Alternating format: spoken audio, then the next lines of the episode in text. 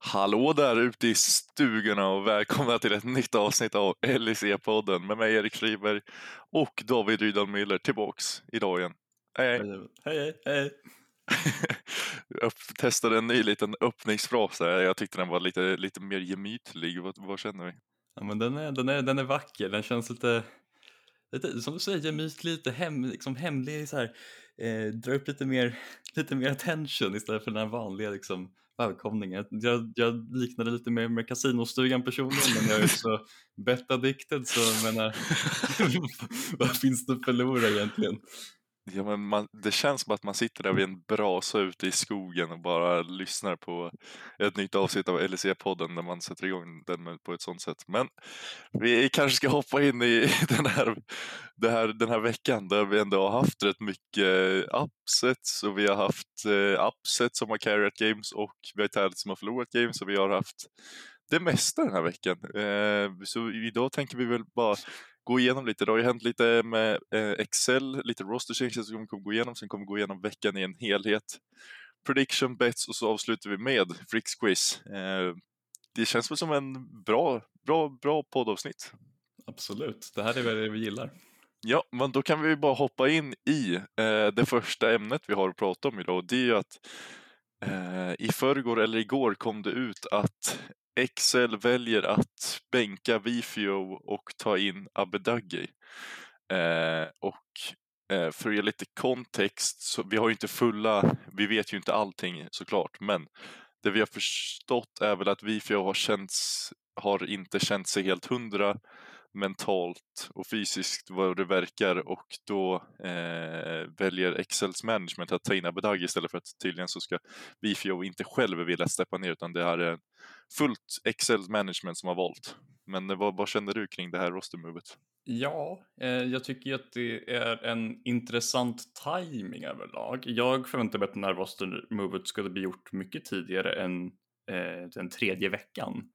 Eh, det är både drygt mot Vithio på en viss mån eh, och det är drygt mot Abedagge som blir liksom inkastad i elden och får liksom han sa att han skulle börja skrimma idag med laget liksom eh, och det är det är onsdag och första matchen spelas på lördag. Han kommer inte vara så här 100% 100 eh, gäld med eh, resten av laget så det känns lite som att eh, det, det är desperation från Excel som vill secura en plats i eh, group stage. Eh, och sen så jag tänker att det kan ju funka. Abedag är definitivt en kompetent spelare. Eh, han är också en mer stabil spelare överlag. Han är oftast eh, han är oftast relevant i matcher än vad Vithio har varit nu. Vithio förut var ju ganska konsistent när han varit spelade runt. Nu har de ju testat en hel del olika saker i Excel så han har inte sett lika bra ut överhuvudtaget.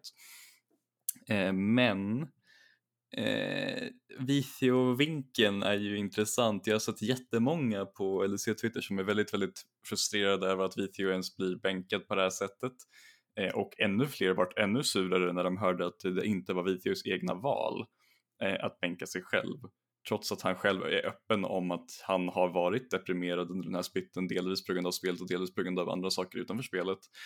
Eh, men jag förstår inte riktigt vinkeln personligen eh, över varför folk är så frustrerade med det här valet. Eh, jag tänker både utifrån en, liksom en, arbets, eh, en arbetssituation där vissa länder har mycket starkare eh, lagar kring just eh, depression i arbetslivet.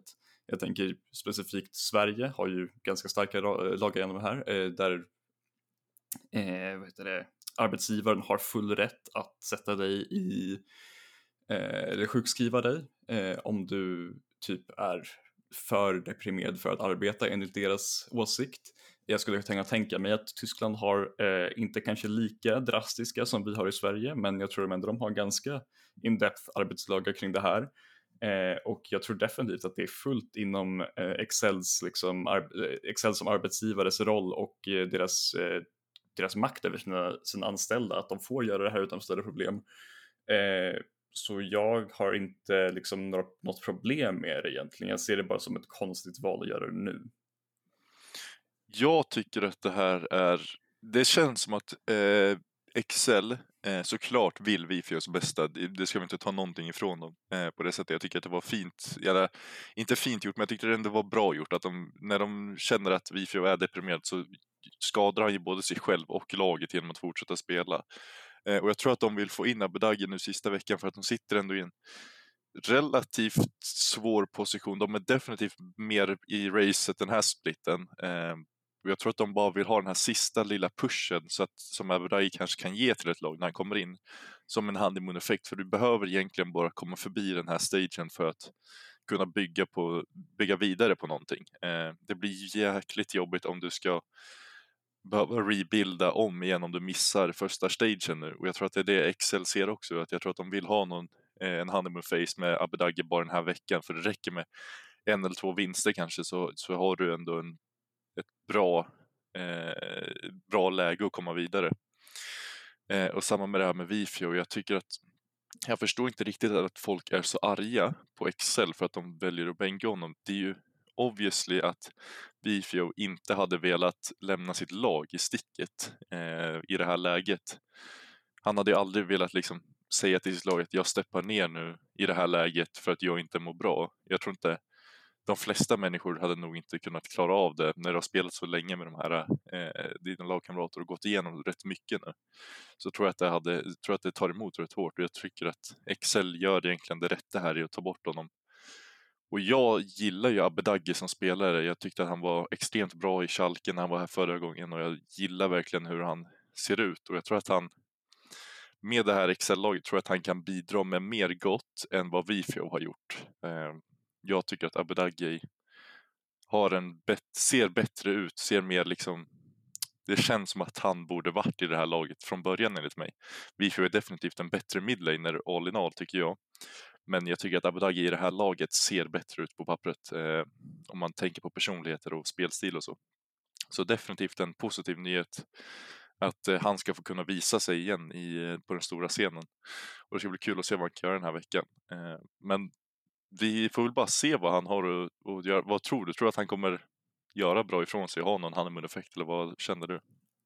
Ja, det är ju intressant eh, för att nu kommer jag inte ihåg exakt vilka de möter i eh, den här veckan. Koi, de möter Koi, Astralis och BDS. Ja, han kan ju ha en relativt stor effekt eh, överlag. Jag tror att de gör, eh, som som vi nämnde tidigare, som jag nämnde tidigare, så ser jag honom som en mer eh, stabil mid och jag tror det kan hjälpa mot ett lag som Korg att ha eh, en mer Abbe är, alltså han är ju inte, en, han är inte necessarily en control spelare i grunden. Han har ju eh, carries, ja, control också carries, men han har ju mer eh, flashy carries i sin champion pool också. Men jag känner att, eh, att ha den mer liksom passiva eh, rutten mot Koi skulle kunna hjälpa dem.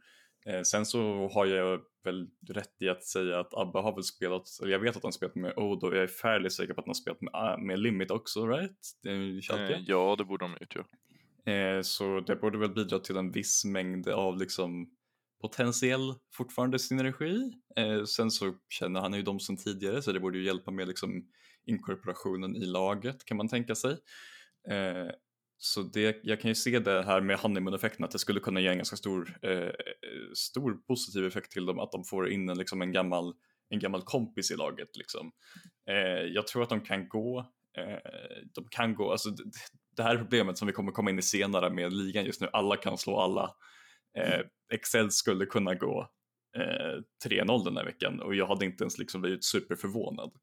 Eh, men eh, logiskt sett så borde de inte gå 3-0. Logiskt sett så kanske de plockar upp en vinst eh, om man bara kollar på liksom, motstånd och eh, tidigare resultat. Men som tidigare sagt så kan det lika gärna hända vad som helst.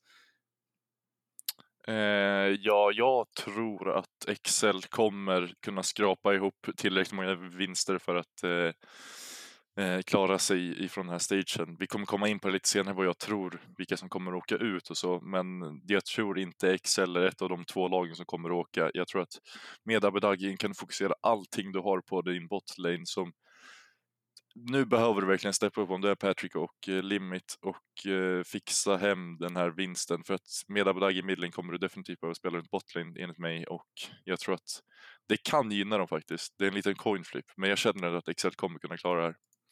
Så vi kan väl hoppa in i det bara den här veckan då och se hur det har sett ut. Eh, bara lite allmänt så tycker jag ändå att det har varit rätt rolig vecka för alla har slått alla lag och liksom det har varit förluster från de stora lagen och de lagen i botten som man trodde kanske var ute nu har börjat hämta upp och vi har en rätt mumsig sista vecka som står innanför oss med kan bli rätt många tiebreakers och så. Vad, vad tyckte du om den här veckan? Ja, alltså som, som Mad-fan så är jag ju ganska arg, men som en allmän League-fan så är jag väldigt glad av att se det här veckan. Det är ju extremt många intressanta resultat som kommer betyda extremt mycket olika saker eh, inför nästa vecka, inför slutgiltiga veckan. Eh, och just de här resultaten ger ju oss chansen bland annat till en total, eh, en splittad 10 lags eh, tiebreaker där, där fem lag slåss om topp två-platsen och fem lag slåss om att inte åka ut totalt, vilket kan bli mycket intressant. Även om jag inte tror det händer på grund av att det skulle krävas en extrem mängd upsets eh, så är det fortfarande intressant att det fortfarande är liksom eh, så här tight den här gången. Förra året, eller förra året, förra splitten så hade vi en lite mer klar eh, topp två i ligan som redan var klara basically för playoffs eh, och eller vi hade ganska klart topp fyra som redan var klara för playoffs och sen så hade vi två lag som basically inte kunde komma till playoffs. Eh, men nu har vi liksom alla possibilities framför oss. Eh, ja, och vi kommer väl in på predictions sen, vad vi tror, vilka lag som kommer hamna utanför och så. Och det kommer väl vara det det mesta handlar om den här veckan, det är ju bottenstriden. För visst är eh, toppen också rätt rolig att kolla på, men jag tror att botten just nu handlar så mycket om vissa olika lag här för att vissa lag kommer kunna tanka att komma längre ner än vad andra kommer kunna göra och, och det blir det kommer bli väldigt roligt och jag är nästan säker på att vi kommer få en eller två tiebreakers i botten där så att jag är duktigt eh, nervös som Fnatic-fan också men, men ändå rätt hypad över det nästa vecka. Men vi kan väl gå in på ditt Mad Lions ändå som har haft en tuff vecka och en tuff start på hela den här splitten. Det blev vinst mot Astralis i första matchen, det blev dock förlust mot Excel och förlust mot ett svagt Team Heretics. Eh, du kan väl börja gå in på vad du känner så kommer jag in sen. Ja, eh, jag eh, sa ju inför veckan att vi borde ju gå som värst 2-1. Som verkligen värst 2-1. Och det var inte en förlust mot Excel eller ett Team Heretics jag förväntade mig där. Det var ett förlust mot en Astralis där jag tänkte kunde vara acceptabel. Men jag sa att vi borde nog gå 3-0 ändå. Eh, vi gick inte 3-0, vi gick inte 2-1, vi gick 1-2. Och vi slog det enda laget jag kunde tänka oss förlora mot. Eh, just i den matchen mot Australien så såg vi väldigt bra ut. Det var det jag hoppades på. Vi krossade dem. Eh, vilket är liksom det jag vill se. Astralis är inte ett dåligt lag alls, de har slagit, de har slagit både G2 och eh, Vitality nu.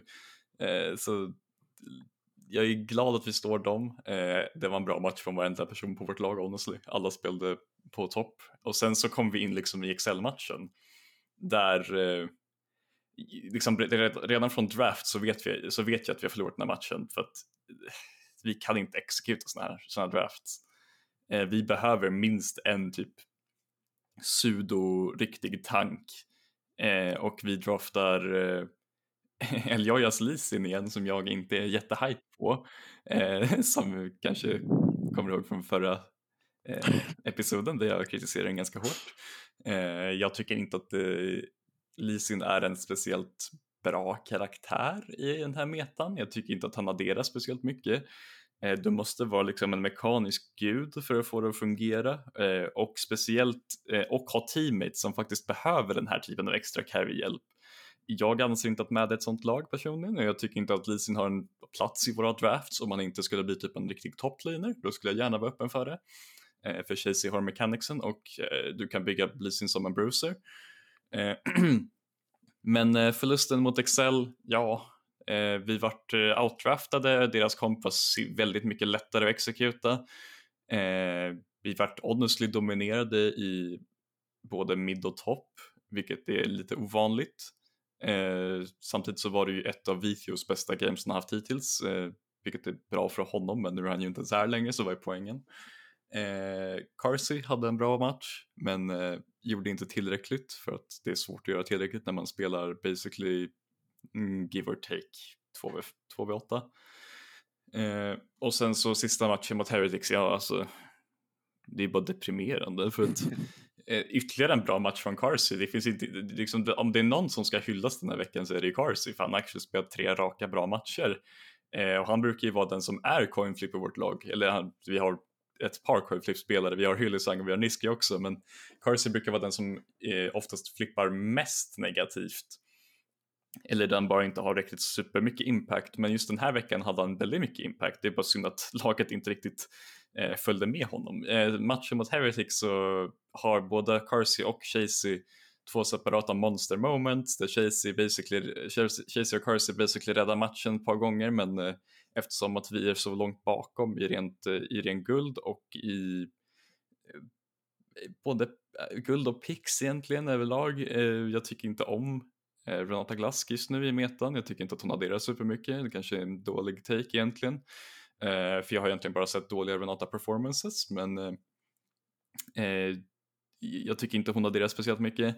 Och sen så tycker jag inte att eh, Cassiopeia är den bästa picken i den här draften överhuvudtaget för Niski. Han hade ju inte speciellt hög impact på den heller som att det är väldigt svårt att använda Cassiopeias kit effektivt mot eh, Heretics draft. Eh, Eh, och eh, hade inte en speciellt bra match heller men eh, det är svårt att spela djungel när ens eh, mid och support inte existerar under matchen basically. Så mina tankar över den här, match, den här veckan över med är egentligen att det är en extrem underprestation och jag hoppas verkligen att folk ser över sin individuella spel och gärna att Mac börjar drafta mer simpla komps åt oss igen för att vi behöver ta eh, ett par vinster den här veckan för att ens liksom garantera oss ut. Eh, vi behöver ta minst två vinster för att garantera oss liksom eh, tiebreakers egentligen. Jag tror vi kan vinna en och få tiebreakers, men det är för att garantera tiebreakers är det två vinster som gäller. Och det är inte en lätt vecka vi har eh, med relegation 3, liksom relegation 2 pointer mot Fnatic och XL, nej inte XL, eh, SK och G2 på, liksom, på listan. Det är ju inte lätta matcher överhuvudtaget någon av dem. Eh, så jag är lite oroad som Mad-fan. Dock har jag tidigare sagt att, eh, jag sa det på Twitter innan Eh, innan första splitten att eh, Mad kommer nog ta minst en nio under det här året. Dock trodde jag att det skulle vara första splitten, inte, inte den här splitten.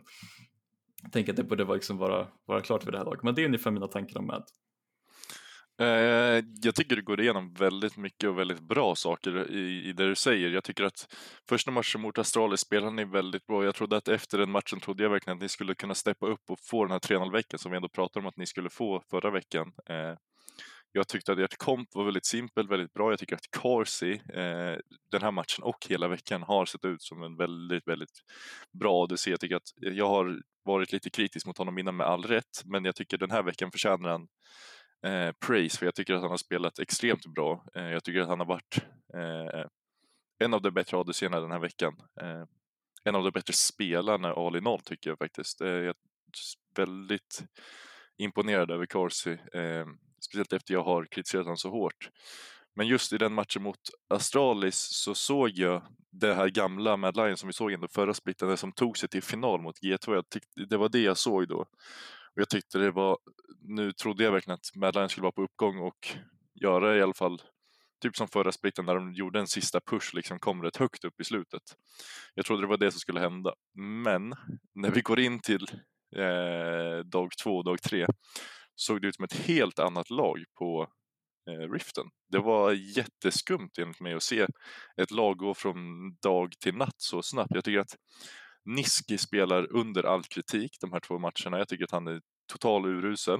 Eh, jag tycker att han jag vet inte, det, det kanske är att ta i mycket men jag tycker verkligen inte att han spelar bra. Om han bara håller sig på en helt okej okay nivå eller bara inte bara inte gör någonting egentligen så kommer ni vinna de här matcherna för att Corsi spelar så pass bra. Jag tycker att Elioja, även fast han spelar sin leasing så tycker jag ändå att han spelar bra och gör det mesta av situationen. Jag tycker att Niski och Hyllesäng förstör totalt. Hyllesäng får man ändå ta som det är för att han kommer göra så här, han kommer vinna matcher åt er också. Men just Niski tycker jag att du kan inte gå ifrån att vara MVP i, i splits till att se ut som en botten tre midlaner nästa match eller nästa split. Jag tycker det är extremt konstigt hur det kan vara så. Jag förstår inte riktigt hur det går ihop. Eh, jag hade förstått om han har off-dagar och kanske inte ser lika bra ut, men alltså, jag tycker att han ser verkligen går ifrån att se ut som en av de bättre midlaners i ligan, kan utmana Caps eh, i lane, till att liksom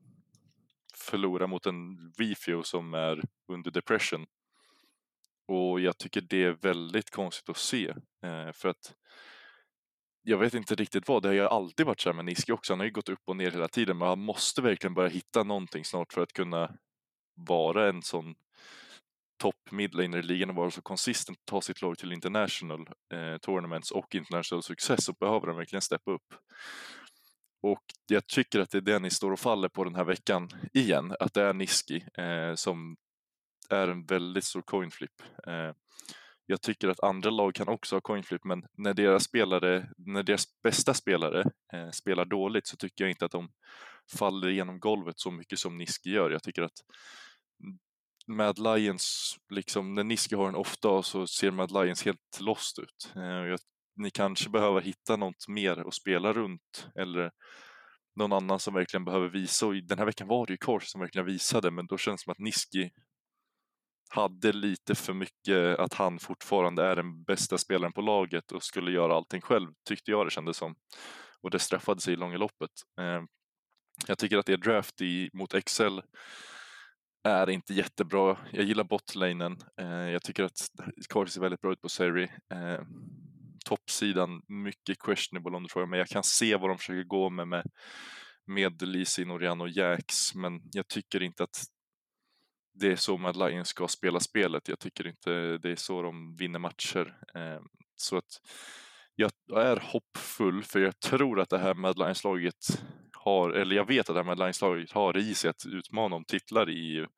Och vi såg det förra splitten också. Så jag vet inte riktigt varför det är så här, om det är bara för att de kommer ifrån en finalförlust och känner att nu ska vi gå tillbaka till regulars, eller så här bäst av ett igen.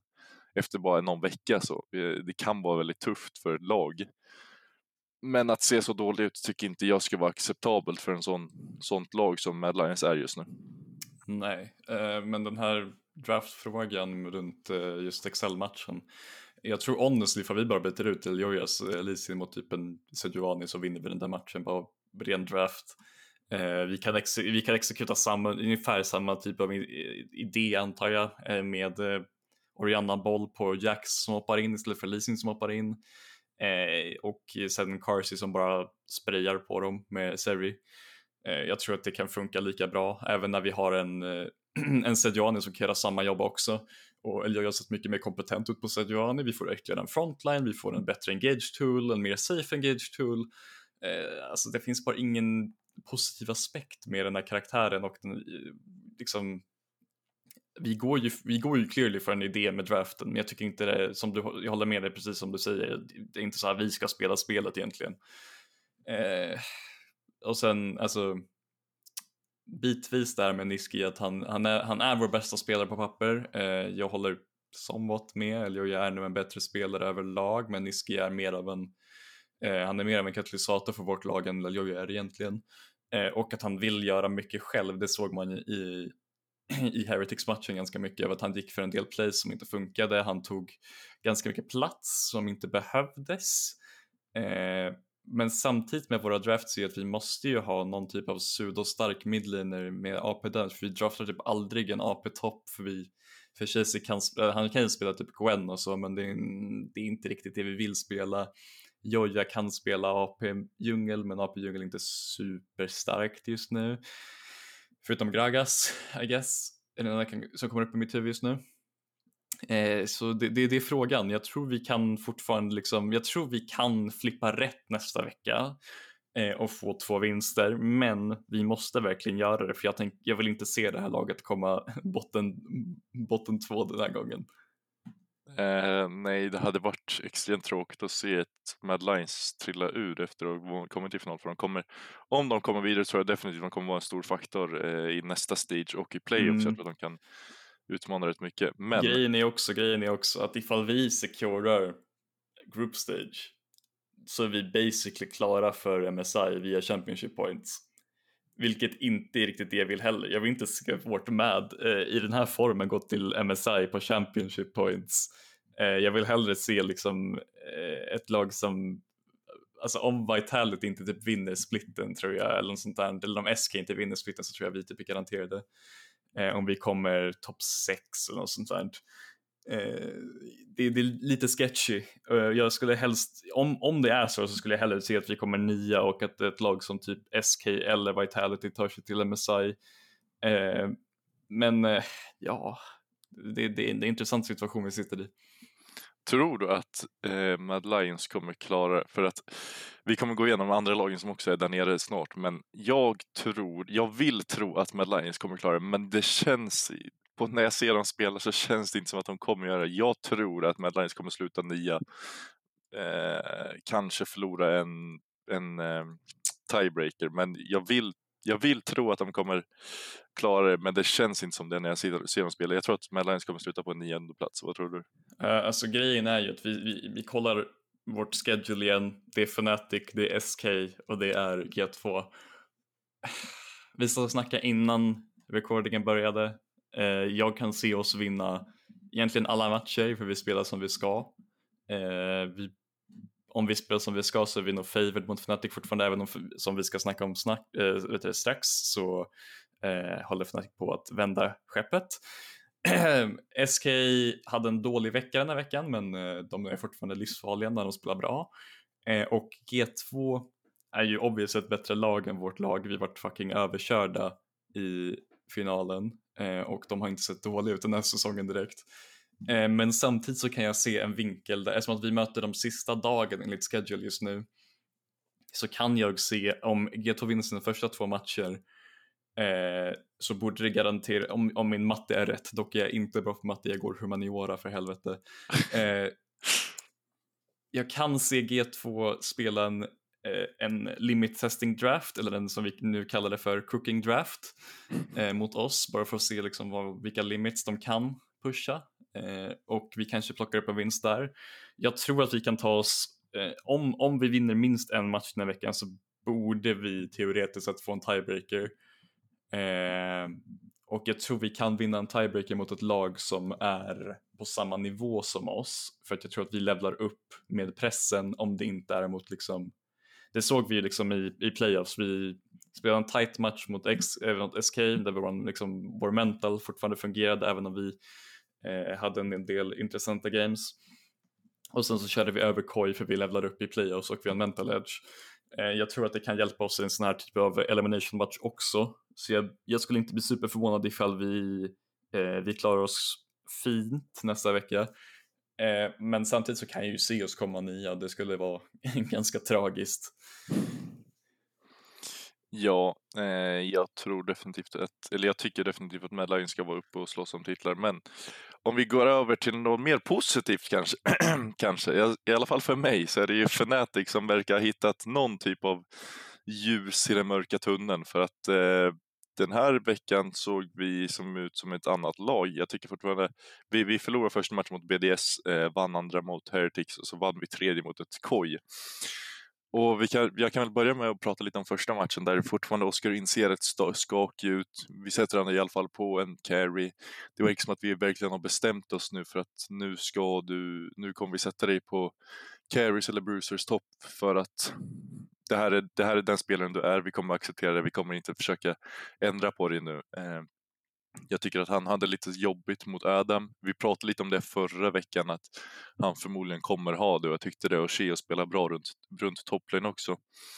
Samtidigt som Crowney verkligen spelade bra mot, mot oss. Eh, jag såg att många på Twitter flamade Reckless rätt så hårt eh, för den här goal-leaden som Crowney hade. Eh, det var väl, vad var det, 4000 någonstans där i midgame. Och jag blev rätt fundersam på om folk på Twitter kan spelet League of Legends för att Crowny fick så mycket gratis kills och liksom, när du spelar Jink så är det väldigt lätt att få multikills med, med hennes passiv. Jag tycker definitivt inte vår botlane gör ett dåligt game. Jag tycker att... Förutom eh, en sak där Ambien de... dör, eh, typ, vad är det, typ level 2 blir hookad, dör, ger Crowny första killen i gamet eller något sånt där. Det, det är intressant att följa upp First Blood i en lane där man spelar Lux Definitivt. När du draftar den botlane så är det ju allting en push och då blir hookad av Blitzcrank i det läget är bara, det är riktigt dåligt. Men eh, jag tycker inte det var Reckless fel. Jag tycker att Advin spelade inte sitt bästa game på Lux. Jag ser inte att det riktigt kanske är hans champ. Jag tycker Reckless ser helt okej okay ut den här veckan. Human har definitivt steppat upp från förra veckan och vi, jag eh, efterlyste lite Humanoids impact förra veckan och sa att nu måste verkligen steppa upp. Du kan inte ta in Oscar in som en ny rookie och bara låta han få all liksom att han ska rädda det här laget. Du som är vår star player och du som är den bästa spelaren i laget måste steppa upp nu och det gjorde han verkligen den här veckan. Jag tycker att när vi kanske såg lite skakigt mot Heretics så steppade han verkligen upp och carryade matchen till, till en vinst. Eh, samtidigt som jag tycker att mot Koi så spelade han väldigt, väldigt bra. Jag tyckte han spelade Eh, stabilt. Eh, och det var, men det var, inte hans, det var inte hans game, det var Razorks game för Razork såg väldigt bra ut och han jag vet inte, det känns verkligen som att vårt lag verkligen har blivit mer sammansatta den här veckan. Eh, det känns som att jag hittat någon, någon typ av spelstil nu eh, som jag gillar att se. Jag tycker att vår botlane har hittat en identitet där de egentligen inte behöver ha någon eh, attention eh, så mycket när vi spelar runt toppsidan. Jag tycker det ser bra ut. Jag tycker att Oskar Innen i andra matchen mot Heretics och tredje matchen mot Koi har börjat se ut som att han kan i alla fall eh, att han har börjat få en liten flytväst på sig eller någonting. Mm. Han drunknar inte lika mycket som förra veckan. Han har fått sina små armpuffar nu så att han kan hålla sig över vattnet i alla fall. Och det är verkligen viktigt för det här laget för de behöver en toplaner som kan vara stabil nu och jag tror att desto längre det går desto mer kommer Oskar in liksom eh, kommer han bara flyta mer och mer och till slut kommer han sitta i en rescue-helikopter och liksom flyga över vattnet och kunna spela på ett väldigt bra sätt. Eh, så det tror jag verkligen är bra för vårt lag. Eh, och Alltså jag gillar verkligen hur vi draftar i de här gamesen också, i alla fall de två sista. Jag tycker att nu har vi verkligen hittat någonting som funkar och fortsätter vi med det här nästa vecka så tror jag, tycker jag definitivt att vi ska kunna komma ut eh, ur den här stage 1. Vad, vad känner du? Eh, jag tycker det, det, det, det, är väldigt positivt, det får jag inte kolla på mig just nu. Eh, första matchen så var jag väldigt oroad igen mot BDS, eh, även om det inte var det jag förväntade mig, att, de skulle liksom sparka Oskar in, in i skallen över och över igen, så var det mer Crowdy som fick göra det. och då var jag lite mer oroad, jag tänkte att surely kan Fnatic inte gå liksom noll vinster den här splitten. Nej, det, det kunde de inte. De, de tar en solid vinst över Heretics där de förvisso spelar eh, 6v4 för att eh, eh Baus är på stage. Jag, jag har fortfarande lite inga ord för vad fan Evy höll på med i den matchen. Eh, och det är verkligen den typen av match man vill ge Oskar in där han spelar mot eh, han spelar mot The Baus på sitt, liksom, sitt streamkonto i Masters eh, där han likt bara går för att total inta games och ha kul. Eh, och eh, liksom trakassera sitt lag så de inte har en chans att vinna. Eh, det var extremt många intressanta moments med Evis Sayan där och eh, inget för, inte för att ta iväg någonting från eh, Fratic egentligen. Reckless och Humanoid hade solid matcher. Oscar Innen gjorde fine ifrån sig. Eh, och sen sista matchen som du sa, det, det, är kul att ni dabblar ner på att Oscar Inin är en carry nu och de här typen av draft som du sa är också det ni borde spela enligt mig. Ni borde spela hard scaling, ni dubblar ner på att eh, spela triple scaling i Gangplank, Azir och eh, Saya. Eh, det är ett intressant val av eh, Koi att ge er Azir när Humanoid förmodligen är EUs bästa Azir oavsett vilken form han är i. Eh, men eh, det är ju en sak som Koi får diskutera på sitt draftmöte nästa vecka, inte nu. Eh, och som du säger, Razork hade världens pop-off game den matchen. Ni fick väl även en 2v2 kill, nej just det, det var första, första engagementen som Reckless och Advien och Razork lyckades plocka upp två kills. Det var också bra för då fick ni mycket push i bot med en sombot, ganska even lane egentligen men det, det, det, det, åt det här hållet jag tycker att ni borde gå. Eh, full scaling bara för att liksom sätta plåster på såren eh, och överleva länge mot, mot på papper kanske bättre lag. Jag tror det kommer göra er ganska mycket gott inför nästa vecka. Eh, jag tror också att ni kommer kunna ta er ur den här. Eh, ni möter ju, ni har ju inte den lättaste veckan. Ni möter ju oss ni möter G2 och ni möter Astralis. Eh, hur många vinster tror du ni får ut av de här? Eh, om vi har den, det, det vi spelar mot Koi så tror jag definitivt att vi kan slå både Mad och Astralis. Eh, för jag tycker vår macro i den matchen kändes, alltså det, jag blev väldigt förvånad på att se att vi kunde spela spelet som det ska spelas. Och spelar vi det så, så tror jag definitivt att vi kan slå ett svagt Mad Lions med lite skakigt självförtroende. Eh, jag tror att vi har definitivt, även fast vi har exakt samma score, så tror jag att vi har bättre självförtroende nu efter de här två matcherna. Och vi känner att vi är på väg någonstans, medan Mad Lions kände väl, väl kanske, om jag gissar att de känner sig lite, lite, lite nere kanske. Eh, spelat Niski kanske, om man, eh, så att den tror jag att vi kan vinna. Jag tror att den kommer i och för sig bli den bästa matchen den här veckan. Jag tror att det kommer bestämma väldigt mycket hur det här ja, slutar för båda absolut. lagen. Uh, så det kommer ju bli extremt roligt att se. Jag hoppas inte det blir någon stomp åt något håll. Jag vet att det ska gå till late game och att bästlaget ska vinna. Så att, uh, alltså, första dagen den här veckan kommer ju bestämma typ allt. Det är så många liksom det är liksom Heretics Astralis, eh, Heretics måste vinna den annars är de basically fucked. Eh, Koi Excel, vinner Excel den så är de fullkomligt med i racet, vinner Koi den så borde de vara safe. Vitality mot BDS, de är på samma poäng, de kan basically secura, eller börja secura sin plats i topp två ifall de vinner den här. Mad mot Fnatic, relegation 2 pointer eh, och sen SK mot G2 som också är i toppstriden och eh, vevar om eh, att secura topp två, liksom, den, den dagen är insane. Eh, den är riktigt sjukt. Men om vi ska gå tillbaka till Fnatic så tror jag bara att jag hoppas för mycket det här året. Jag tror att vi kommer förlora mot Mad Lions, jag tror vi kommer förlora mot G2, sen tror jag att vi kommer vinna mot Astralis. Sen kan jag inte riktigt matten om vi får en tiebreaker där, men jag tror att vi kommer att, eh, jag tror att vi kommer inte spela, jag tror att Oskar Inning kommer spela bättre. Jag tror definitivt att han kommer vara med. Jag tror att Humnor kanske kan ha en off. Jag tror bara att vårt lag inte riktigt är där än. Jag tror att vi kanske kan booma lite hårt den här veckan efter att ha haft en bra vecka. Det känns som det. Det känns som att det här året bara är ett sånt år där vi går ifrån att ha en bra vecka och känns som att nu är vi på väg någonstans. Nu kanske det kan hända någonting till att bara eh, dö igen. Eh, det är stor risk för det och jag tror att Eh, jag sa ändå att Mad Lions skulle åka ut. Jag, jag tror att Fnatic kan skrapa upp en vinst kanske. Eh, jag tror att vi kommer gå 1-2 den här veckan. Jag tror, att, jag tror inte vi vinner två matcher. Jag tror att vi vinner en mot antingen Astralis eller mot Mad Lions. Eh, och sen efter det, en tiebreaker, får vi se. Jag har en känsla av att vi kanske kan komma vidare.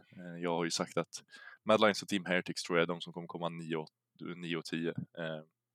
Det är väl rätt bold ändå att säga att Lions kommer 9, men jag tror att vi kanske har en chans att kunna klara oss. Förra säsongen så räckte 3-6 till åttonde plats för Australis men det var också helt andra circumstances där vi redan hade liksom två lag som gick 7-2, det var vi och Vitality. Eh, så det fanns ju större utrymme för de dåliga lagen att komma in. Här kommer det ju vara mycket tajtare så jag vet inte ifall, jag tror tre vinster borde logiskt sett garantera en tiebreaker. Eh, och det är den jag också tittar på för oss. Så liksom, jag vill ju garantera oss minst en tiebreaker, jag måste ha en vinst tror jag. Det beror helt på vad som händer i matcherna för Excel och Heretics egentligen, för båda de är ju om de går 0-3 så är vi garanterade liksom. Det är inte, det är inte svårare än så. Båda två vi är garanterade ifall de två går 0-2 eller 0-3.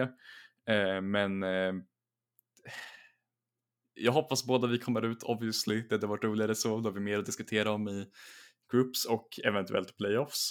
Eh, men jag vet inte ifall jag har något mer att säga med eh, det här. Jag tror vi har gått igenom det mesta. Det kommer ju bli extremt viktiga matcher för båda lagen nästa vecka och det är rätt roligt att se. Hoppas att Fnatic kan hålla uppe den här och verkligen ha sett identiteten som de ska bygga sina lag runt eller sina, sina drafts och komps runt nu. Eh, jag tror att om de, om de håller sig till det här de har gjort den här veckan så har vi en god chans att komma vidare. Men ska vi gå över till nästa ämne där egentligen vi har vi ska toucha lite på Vitality, vi behöver inte gå in så mycket för att det är ändå ett starkt lag och så, men det jag vill fråga dig är vart Eh, jag tycker att Bow försvinner väldigt mycket i stora matcher. Eh, jag har, vi har inte pratat om det här innan så mycket, Utan där är det bara någonting typ på uppstuds. Men jag tycker att Bow försvinner alldeles för mycket i stora matcher, typ som förra splitten i playoffs när det är stort, när de måste vinna för att komma vidare till Stage 3 och det sista, liksom, sista finalplatserna där. Jag tycker att den här veckan mot G2 så försvinner han också, ser inte i, han ser inte alls bra ut. Min fråga är när, om vi ska börja ifrågasätta Bow lite eh, när det kommer till de större matcherna, när det börjar betyda någonting. För att han är definitivt en toppjungler när det handlar om att slå dina Excels, dina Astralis, dina Heretics, då kan han poppa off väldigt bra. Men jag tycker att när det, när det börjar gälla någonting så känns det som att han försvinner. Jo, eh, jag, eh, vi, vi diskuterade det lite grann tidigare och det är ju en intressant sak som vi inte såg tidigare i, i hans karriär. Eh, förvisso har han inte haft en superlång karriär direkt, eh, men han vart ju dominerad i den här matchen mot G2. Eh, sen förlorade de ju även mot eh, Astralis där han, han lyckades på något sätt bli outjunglad av 1-3 vilket är like, eh, jag skulle honestly bara lägga musen på hyllan efter en sån prestation. Men eh, det, är, det är ett tufft läge. Och sen så som du sa tidigare i Groups där han hade intressanta matcher och slutet på förra slitten där han också hade intressanta matcher. Det var mer happy games än det var eh, att försvinna egentligen. Nu är det ju liksom att ja, han var ganska osynlig. Han hade inte så mycket impact. Förut hade han ju, som jag nämnde, happy games där han total intade men fortfarande riktigt hög impact för att han spelade på, han spelar på ett visst sätt som ger laget ganska mycket oavsett hur dålig hans scoreline blir. Eh, men det är, inte, det är lite intressant för liksom nu när han har ett så stabilt lag överlag, det är inte som att alltså Upset Kaiser har sett mycket bättre ut än Upset, äh, inte en Upset, äh, Neon Kaiser obviously. Eh, absolut en mycket bättre spelare än Neon. Kaiser har blivit en bättre support igen med en bättre AD carry bredvid sig. Perks är en stabil mid. Eh, han brukar spela eh, på en hög nivå de majoriteten av matcherna han spelar. Eh, och Photon är typ den mest stabila topplinaren i ligan förutom kanske Irrelevant i mina ögon som är mer stabil överlag. Photon har högre upsides givetvis. Eh, men eh, ja, det, det, liksom, det blir lite av en, eh, en felfaktor i Vitalitys spel att deras djungel ibland bara försvinner där han ska vara liksom på papper typ deras största carry förutom kanske upset nu. Eh, där han liksom har den här reputationen från eh, solo sen tidigare, förra splitten, den han dominerade. Jag tror att Vitality egentligen bara önskar så, så mycket som möjligt att det kommer en eh, djungel, eh, carry djungel patch Eh, så snart som möjligt för då kan de faktiskt börja drafta på det sättet som de förmodligen vill göra. Jag kan tänka mig att de spelar en, en viss typ av sån eh, stil i Screams. Det skulle inte förvåna mig överhuvudtaget. Eh, och jag tror att det är den faktorn som är det viktigaste, att de egentligen inte vill ha Bo på de här typen av spel eh, av karaktären. Eh, även om hans Vai och Gragas vanligtvis har ganska hög impact. Eh, hade jag inte riktigt den här veckan men eh, det är, en intressant, eh, det är en intressant situation vi har i Vitality. Eh, det är egentligen min take att de behöver nog kolla över pixeln lite grann. Jag tror de behöver kolla över lite mer eh, kanske Bose mental också för, i och för sig också en, en vinkel. För att det, liksom, vissa av hans plays ser lite tiltaktiga ut, eh, enligt mig åtminstone. Eh, det ser lite ut som mina solo teammates efter att de lyckas dö eh, när vi invaderar eller någonting sånt där. Det, det är lite sån Eh, Eh, sån typ av stil jag ser från Bowie ibland, men det är det, det, är bara konstigt. Uh, ja, om jag var, jag hade stor respekt för Bowie innan året, där jag tänkte att alla djungler skulle vara liksom, oh nej Bowie, jag tänkte också som en Fnatic mot Vitality, även fast vi redan varit, eller vi, det var ju första matchen, så jag tänkte liksom att och Bo kommer göra kaos, liksom. han kommer vara den här stora djungeln, han kommer dominera hela året. Någon kanske kommer kunna i slutet av det här året, Jaik kanske kan komma upp och slå honom. Men desto längre den här eh, säsongen går eh, och den här Winter och spring så tycker jag att jag tappar mer och mer för Bo varje match han spelar. Jag tycker inte att han är den här dominanta faktorn som jag hade förväntat mig. Det känns, det här är, han är väl din rike mans selfmade kanske. Jag tycker att han jag tror verkligen att han spelar väldigt bra i, i scrims och jag tror att han är extremt bra. Han är definitivt mycket bättre än Selfmade och det är därför ryker man Selfmade men jag vet inte riktigt, det känns inte som att allting klickar på stage. Jag tycker att även fast han är en bra jungler så tycker jag att han, jag tycker Markoon har eh, eh, spelat bättre än han i Vitality-vinsten. Sen så är han bara borta resten av veckan och jag tycker att mm, fortsätter det här och Vitality inte slåss om en titel i slutet av året, om de åker ut i en första runda playoffs eller om de inte ens kommer till playoffs så är det i mitt tycke kommer det nog vara Bo som jag kommer kolla på som är det stora problemet i så fall. Eh, du kan inte byta ut honom inför Summer tror jag inte. Det blir extremt svårt med alla pengar du lagt ner på honom. Så att eh, Bo måste verkligen steppa upp, i alla fall för mina ögon, för att han ska bli tillbaks till den, till den carryn som han var hitvärvad för att vara, tycker jag. Eh, men det, det, är i alla fall det jag tycker. Ska vi gå vidare till nästa kanske? Ja, det tycker jag låter bra. Eh, där vi går igenom BDS eh, som har sett ut på ett helt annorlunda sätt än vad vi förväntade oss. Förra splitten den var så pass bra, eller ja, de var bättre än vad vi hade förväntat oss kan vi säga.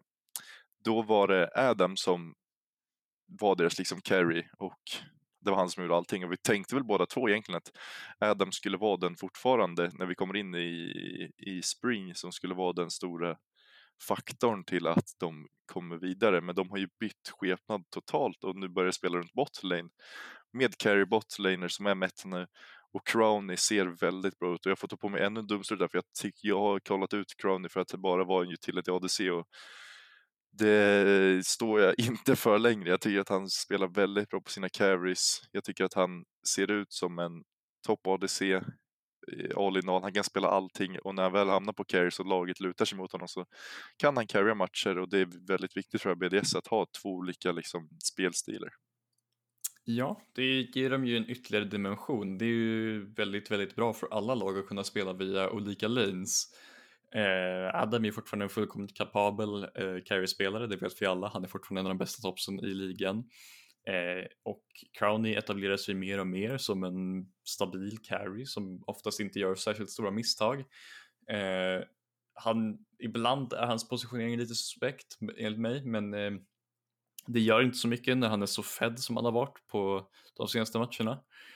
Eh, Sen så ger det ju också ytterligare cred till Shio från min vinkel. Shio gör extremt mycket för BDS. Han är ju oftast den som instagerar det mesta för det laget. Eh, hjälper ju basically varje lane, eh, även om Nuke är ganska self-sufficient. Han har börjat bli mer av en liksom eh, absorberande midlaner. Han kan gå ner i CS och sen vara relevant senare i majoriteten av sina matcher, vilket är en mycket bättre eh, mycket bättre fit för BDS enligt mig än vad Nuclear inte var tidigare. Eh, och det ger ju en viss stabilitet till BDS som de kanske inte hade tidigare. Eh, och eh, just den här metaskiftet, eller ja metaskiftet, metaskiftet egentligen så är det ju, det är ju bitvis ett metaskifte till att vissa AD carriers kommer tillbaka som typ Jinx och sånt kommer tillbaka. Eh, så det hjälper ju Crowny en viss bit. Eh, och ja, Adam kommer ju fortfarande vara en, eh, en punkt för lag att liksom det är ju frågan, bannar du ut Adam så kanske du låter Crowley gå alldeles för, liksom, gå alldeles för lock och bannar du inte ut Adam så kanske du har en jävla Darius i ditt ansikte igen och vad fan ska du göra då? Ja, good luck men det är typ min take om BDS. Jag antar att du har lite mer Fast jag, jag, du, du sa att du hade kritiserat Crowny för att vara bara en utility carry. Jag tycker att du har varit den som liksom av oss två som har hållit Crowny mycket högre. Jag ansåg inte att Crowny var speciellt bra inför Winter. Jag höll upp med mina händer och sa att Crowny är en kompetent AD carry efter Winter och den här splitten har ju spelat väldigt, väldigt bra. Så det är egentligen jag som borde få liksom eh, ta konsekvenserna av att kritisera Crowny för mycket för att du ser ju clearly mycket mer av honom än vad jag gör egentligen. Eh, ja, alltså jag tycker din kritik var väl eh, lite rättfärdigad innan året, för jag tycker att han inte har visat att han kan vara så flexibel som han har varit det här året. Jag har definitivt tyckt att han alltid har varit en, en LEC ADC och jag tycker ändå att han har varit en av de bättre i bottenskiktet, eh, ADC-erna. Men det här året, det känns verkligen som att han har växt med laget också samtidigt som det har växt. Det har liksom varit en process för hela laget och Crumney har varit en stor del av det. Jag tycker att han verkligen har lärt sig, för innan så har jag sett Crowley som en väldigt bra utility ADC som jag sa. Jag tycker att hans Ash innan, jag tycker Varus och Gin har varit, alltid har varit väldigt bra. Nu tycker jag att han börjar se väldigt flexibel och väldigt liksom komplett ut som en spelare. Och det gör mig rätt rädd för ett BDS som när de går in i bäst av tre kan välja på eh, game to game om de vill att Adam ska vara Karin eller om de vill att Botlin ska vara Carrie och liksom kunna adapta efter vad de möter och i draftsen också adapta. Det kommer bli väldigt läskigt. Men just att Crowney har spelat så pass bra är livsviktigt för BDS-laget för att jag tror att har det bara en spelstil hela tiden så kommer det bli figure out till slut. Eh, och det har de definitivt inte blivit nu. Så att det här, jag tror att BDS kan vara läskiga när det kommer till den bäst av tre. Eh, och jag tror de kan utmana de bästa lagen i ligan också med att surprisa dem för att de är inte som vissa andra lag som spelar ett standard. De, de kan ju dra ut vad som helst och, och liksom komma och slåss på vilken dag som helst. Så BDS imponerad, ska bli kul att se vad de kan göra i bäst av tre. Så jag tycker, tror att nästa vecka kan bli kanske, jag tror inte att de kommer komma topp två, jag tror att de kommer komma där vid topp fyra. Eh, och efter det tror jag att det kommer bli väldigt roligt att se dem. Men nästa lag, eh, om, du, om du inte har något mer, är Astralis som fortsätter gå som tåget tycker jag väl. Eh, jag tycker att de gör det bästa med det de har. Eh, Kobe ser ut som Alltså, vi har, jag tror vi pratar om Kobe i varje avsnitt, ja. men det är för att han är så fruktansvärt bra just nu. Och att det är liksom att han kan vara så bra fortfarande är liksom helt sjukt. Han är den som tar laget. Sen så vill jag än en gång prisa 1-3 som växer i mina ögon. Outjunglade Bow. Jag tycker att 1-3 ser jättebra ut med Leader och Finn. Jag tycker inte att han är en toppjunglare i ligan, definitivt inte, men jag tycker verkligen att han är en bra junglare och jag tycker att han är rätt för det här laget i det här tillfället. Jag tycker att med Leader så hjälper de, de, den duon Leader 1-3 verkligen, verkligen bra för det här laget. Ja, alltså 1-3 behöver den här typen av lag för att vara effektiv för han behöver aggressiva, aggressiva sololen som spelar runt för annars funkar inte hans djungelstil överhuvudtaget. Det syntes ju ganska bra med då Jordan bara kunde spela egentligen via Finn eller via att spela hårt för bot och just att spela hårt för bot funkar ju ganska bra förra splitten men nu har han ju flera vinklar att ta. Eh, sen så hade ju 1-3 kanske inte den bästa veckan överlag. Eh, han vart ju totalt överkörd av Eljoja eh, vilket är förväntat. Eller är förmodligen den typ topp top två djungel i ligan just nu bakom Jaik. Eh, oavsett om Mad spelar ganska suspekt så skulle jag fortfarande hålla honom minst, ah Jankos, Jankos är fortfarande uppe, det var ingenting. Eh, eh, och sen så hade han ju en, alltså en okej okay prestation mot BDS. Jag skulle fortfarande lägga det mesta på eh, Kobbe överlag förutom att ja, han vart gapped av Carsey Hillesang men Carsey Hillesang i prime condition är ganska farliga de med. Eh, så det är ingenting att liksom kritisera honom för egentligen. Han spelade en väldigt bra match mot eh, BDS och var egentligen den enda som höll kvar dem i matchen så länge som de höll. Eh, och sen vinsten mot eh, Vitality var ju stor del eh, Kobbes förtjänst som du sa tidigare. även Leader som har börjat branscha ut ännu mer och nu spelar han spelar mig just nu. Eh, det, det kan bli farligt. jag eh, trodde det, aldrig vi skulle säga. Jag, jag, inte, jag, jag, var typ, jag var typ redo på att han skulle kanske kunna dra ut någonting som typ en A-sol för att like, den, han är bara så stark just nu. Uh, han har en Annie. kanske inte var den bästa Annie-prestationen jag sett i mitt liv men like den funkar. Han gick för lite intressanta plays. Det funkade till en viss, viss grad. Eh, tills Adam basically sprang kring i deras backline och två shottade Kobbe, det var lite problem. Eh, men eh, eh, Astralis scalar överlag, även om de gick 1-2 eh, den här veckan så plockar de ju äntligen hem den viktigaste vinsten mot Vitality och det håller de ju bitvis kvar i om de går 3-0 den här veckan, vilket jag inte tror de gör, så kan de ta en topp 2-slott. Eh, de möter faktiskt eh, tre relativt svaga lag överlag. Eh, i Heretics Excel och Fnatic. Så om, om Astralis verkligen vill och verkligen orkar så kan de ju gå 3-0 den här veckan. Jag skulle inte bli jätteförvånad eh, om de tog minst två vinster här.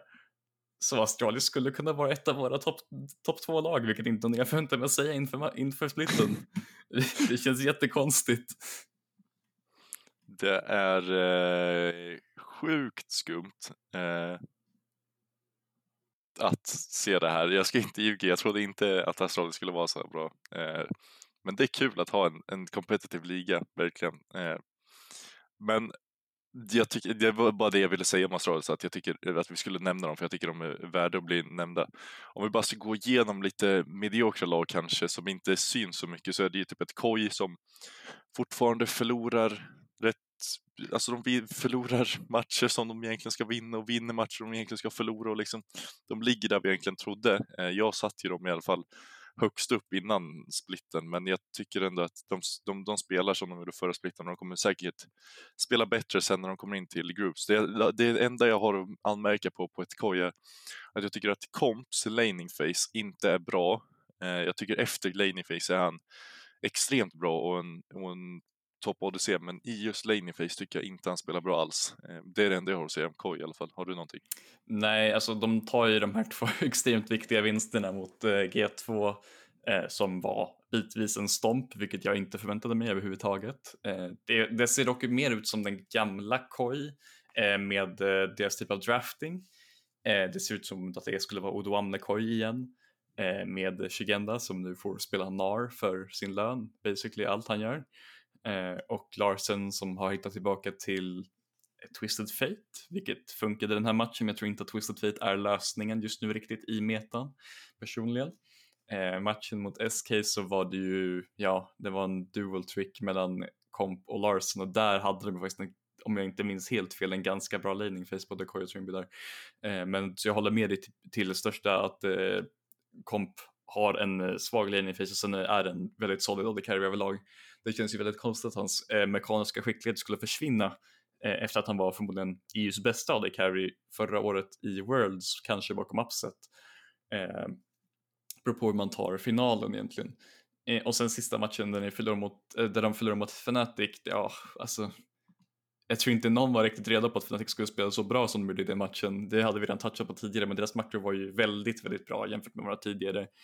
Eh, och eh, ja, Koi, de är där, de finns, de kommer vara i play, eller de kommer vara i groups, kommer de komma till playoffs igen, vem fan vet, de kanske scalar upp i bästa av tres igen. Eh, vi får se helt enkelt, de är ett väldigt konstigt lag eh, som inte riktigt hittar rätt just nu, men de, de kommer vara där, de är mer stabila än, eh, än vad Mad och Fnatic och Excel och resten är just nu kanske, men ah, samtidigt så kan jag se Koi liksom, jag kan se dem komma liksom i, i vad heter det, eh, vad heter det, eh, tiebreaker-scenarion. Eh, jag kan se dem gå 0-3 den, här, den här veckan, de kan förlora mot Excel. All, alltså Excel håller på att scala, Alvedagge, vem vet. Eh, BDS, livsfarliga, eh, kan definitivt slå Koi och Vitality, om de verkligen vill secura sin topp 2-slott igen så måste de vinna mot lag som Koi. Så Koi skulle kunna gå 0-3 och då skulle vi kunna få liksom ett scenario där Koi är med i tiebreaker-striden eh, med Mad och Fnatic och Heretics och Excel, vilka lag som än hamnar där. De, de finns, de är intressanta. Det är egentligen allt jag säger om Koi. Ja, jag tror att KU kommer gå vidare och jag tror att de kommer vara, bara spela som förra seasonen eller som förra splitten där tror jag att de kommer bara se bättre och bättre ut desto längre vi kommer och desto mer det kommer gälla. Eh, sen kanske vi bara kan toucha, vet, jag tycker fortfarande att Jankos är den bästa djungeln i ligan at this point. Jag vet att man kan argumentera om Jaik, men jag tycker att Jaik har ett mycket, mycket, mycket, mycket bättre lag runt om sig. Så jag sätter definitivt Janko som bästa djungeln i ligan. Eh, jag tycker så synd om honom fortfarande. Ja, det, det, det, det är ett jobbigt läge han har i Heretics fortfarande, även om eh, de spelade väldigt bra mot eh, oss, tyvärr. Eh, där på alla hans sololinjer förutom Evie, egentligen spelade bra. eller alla hans sololinjer, en Solern till. Alla hans laners spelade bra förutom Evie kanske. Evie hade inte superhög impact. Eh, Ruby hade ganska mycket bra impact, eh, mycket crucial stunts, eller eh, ja, charms med Ari. Eh, och Jack Spectre hade bara en väldigt, väldigt bra match eh, som vi inte riktigt har sett på väldigt länge från honom. Eh, och eh, ja, Heretics andra matcher var ju Jankos-centrerade egentligen eh, överlag det var mest Janko som gjorde det mesta. Jack Spectre hade varit en helt okej vecka den här veckan.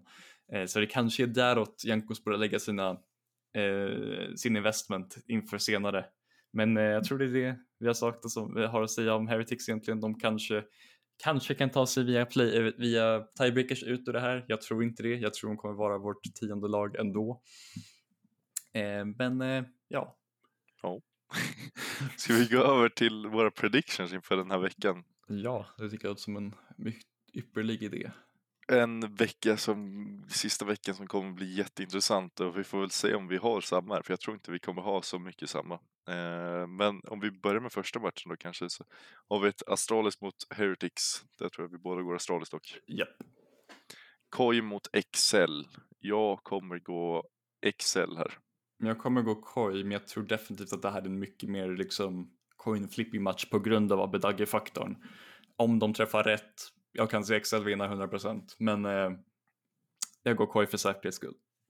Yes. Sen har vi Vitality mot BDS, kommer jag gå Vitality. Jag kommer också gå vitt, men den är också tight som fan. Sen har vi Fnatic mot Mad Lions. Jag, jag kommer på att vi flippar där va? Jag tror att jag kommer gå Fnatic nu. Jag kommer gå Mad. Svik mig för fan inte nu. Sen har vi SK mot G2 som är ändå en rätt spännande match. Men jag kommer nog landa i G2 ändå. Jag sa SK mot Vitality förra veckan och det gick inte så bra för mig. Så jag kommer säga G2 nu. Jag tror också att det är G2 här. Jag tror SK inte riktigt är redo för de absoluta topplagen. Speciellt inte när deras botlane blir matchad. Det är det farligaste för SK just nu tror jag. Definitivt. Sen har vi Excel mot Astralis som är en red banger. Men jag kommer gå Astralis här. Jag tror att de kommer kunna vinna den. Jag går också Astralis, men samtidigt är det exakt samma faktor. Vinner Excel matchen mot Koi, ja då kan de lika gärna vinna mot Astralis också. Fuck it. Men eh, Astralis är min prediction. Mad Lions mot SK. Jag tror att Mad Lions kommer upsetta den här. Jag tror att de kommer kunna, när det väl kommer komma till kritan och de måste vinna så tror jag att de har det i sig att kunna vända det. Så jag tror att de kommer vinna den här matchen. Jag har också satt med, jag har, måste bara ha hoppet här att vi kommer kunna close ut två matcher den här veckan. Jag tror inte att vi vinner mot, ja vi kan vinna mot G2 också, jag vet inte. Men jag, jag vill se oss vinna minst två matcher den här veckan för att liksom undvika eh, träsket av eh, tiebreakers egentligen. Men eh, SK är definitivt en svår match. Definitivt. Sen har vi Koi mot BDS, där kommer jag gå BDS. Japp, yep, jag med. Sen har vi Vitality mot Heretics och där kommer vi väl båda gå Vitality. Yes. Sen G2 mot Fnatic och här måste jag tyvärr gå ifrån dem. Jag tror att G2 är alldeles för starka just nu. Japp, jag tror också jag går G2. Sen har vi BDS mot Excel. Jag tror att Excel kommer kunna hämta upp en till vinst här. Jag går BDS säkerhet, eh, crownshot, svik mig inte. Sen har vi Heretics mot SK, jag tror jag SK. Eh, jag går också SK. Sen har vi Astralis mot Fnatic och där tror jag faktiskt att vi kommer kunna vinna den sista matchen. Jag tror att Astralis definitivt ser bra ut, men jag tror att vi kommer kunna matcha dem. Jag sätter också Fnatic här. Jag känner att eh, ni kommer nog ha liksom glöden i er att om ni inte lyckas vinna mot MAD så är det här den absoluta do or die matchen. Jajamän, sen har vi Mad Lions mot G2 och jag tror inte att Mad Lions kommer orka på. Jag tror att G2 kommer vinna den även fast de kommer vara typ nästan klara för en topp 2-spot. Tyvärr, är det nog G2 3-0 den här veckan. Sen sista matchen som vi avslutar stage, eller stage 1 med är Koi mot Vitality. Jag tror att Koi kommer upsetta den här bara för att de kommer behöva vinna den här matchen känns det som och jag tror att när det väl behövs och jag tror att Molrain kommer ha upper hand på Bow den här matchen. Bow choke igen alltså. Jag tror tyvärr att Upset kommer att hålla Bow på en leash och eh, Vitality vinner den här. Jajamän, där har ni våra predictions för den här veckan. Ska vi gå över till våra bets kanske? Som yeah. än en gång ser extremt olika ut. Jag har gått för en dubbel idag igen. Eh, med, eller jag har gått för BDS mot Koi, där går jag att BDS vinner eh, för 2,0. Sen har vi Fnatic mot Mad Lions och som jag sa så tror jag att Fnatic kommer kunna vinna den här matchen. Jag tror att de kommer ha bättre självförtroende och allting sånt. Och när jag kollar på oddsen på den matchen så är den 3,25 för De Fnatic. absurda. Vilket är rätt sjukt med tanke på läget som är och då får du en dubbel för 6,5 som jag tycker är värd att, att lägga en 50-lapp eller en 100-lapp på. Ja, alltså de där oddsen för Fnatic mot Mad är helt sjuka. Jag förstår mig inte på vad bookiesarna tittar på överhuvudtaget. Eh, om man ska betta på den så måste man ju betta på den nu för jag tror de kommer ändra det ganska snart innan, eh, innan matchen. Eh, eh, men jag har gått för en, en klassisk sexling. Vad skulle jag annars göra?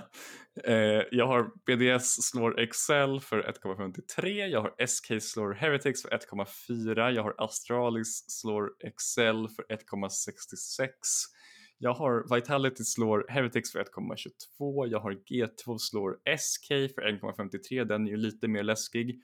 Eh, och den kanske inte riktigt exakt den typen av value bet jag brukar gå för. Men nu har jag gjort det. Och sen har jag Mad slår Men jag tror att ifall man väntar med att lägga den här så kommer nog eh, den här 1,33 som de har just nu gå upp till åtminstone typ en 1,5 eller 1,6. För Fnatic är absolut inte så mycket sämre än Mad. Och jag tror att egentligen som du säger har de eh, Fnatic faktiskt en slight mental edge just nu. Även om jag tror att Mad är ett väldigt, alltså det är ett ganska känt lag för att ha bra eh, team chemistry och eh, vara ett vibe-lag. Så jag tror vi klarar det. Eh, och den här sexlingen går ju då ihop till ungefär gånger nio. Eh, så det är ju det är, det är en gamble som alltid att de här alltså, pseudo-favoriterna ska vinna alla sina favoriserade matcher. Men eh, nio gånger pengarna är ju alltid gött. ja, det är mycket som kommer gå in. Eh, jag tror att någon av oss kommer bli väldigt glad i slutet av veckan på både betsen och på hur det kommer gå. Men eh, kom ihåg att ni måste vara över 18 och behöver ni hjälp eller så, så finns stödlinjer och kanske du behöver söka upp efter ditt intro där spel. eh, men då går vi över till den sista punkten vi har och vi är tillbaka med Fricks quiz idag. Eh, det gamla Fricks quiz där vi söker en spelare. Vi får fem ledtrådar. Är du redo? Jag är redo. På fem poäng. Våran spelare är ett stort hockeyfan. Hockeyfan, okej, okay, så han måste vara nordisk, kan vara tjeckisk, kan vara ryss, kan vara från NA. det, det, är typ, det är typ så jag tänker. Jag kan inte sätta någonting här så jag ber gärna om min andra. Då kör vi nästa. Fyra poäng. Våran spelare har vunnit två stycken LEC-titlar. Vad är det för jävla svenne? Det eh, finns många personer jag kan tänka mig som har spelat eller som har vunnit eh, två LSI-titlar. Eh, jag tror jag tar min tredje. Jajamän. Våran spelare har spelat i NIP men under ett annat namn. Och det, är en, det är en Oldboy. Jag antar att det är europeiska NIP.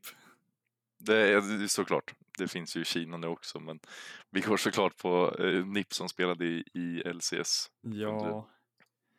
Eh, det här är ju lite före min tid, så jag måste tyvärr be om den fjärde. Han sprattlade till under Aha. sina år i IRL så var en dominant faktor i de lägre divisionerna. Ja, jag lockar in min där. på en poäng. Våran spelare är en av sex spelare i Europa som har en MSI-medalj. -hmm, ja.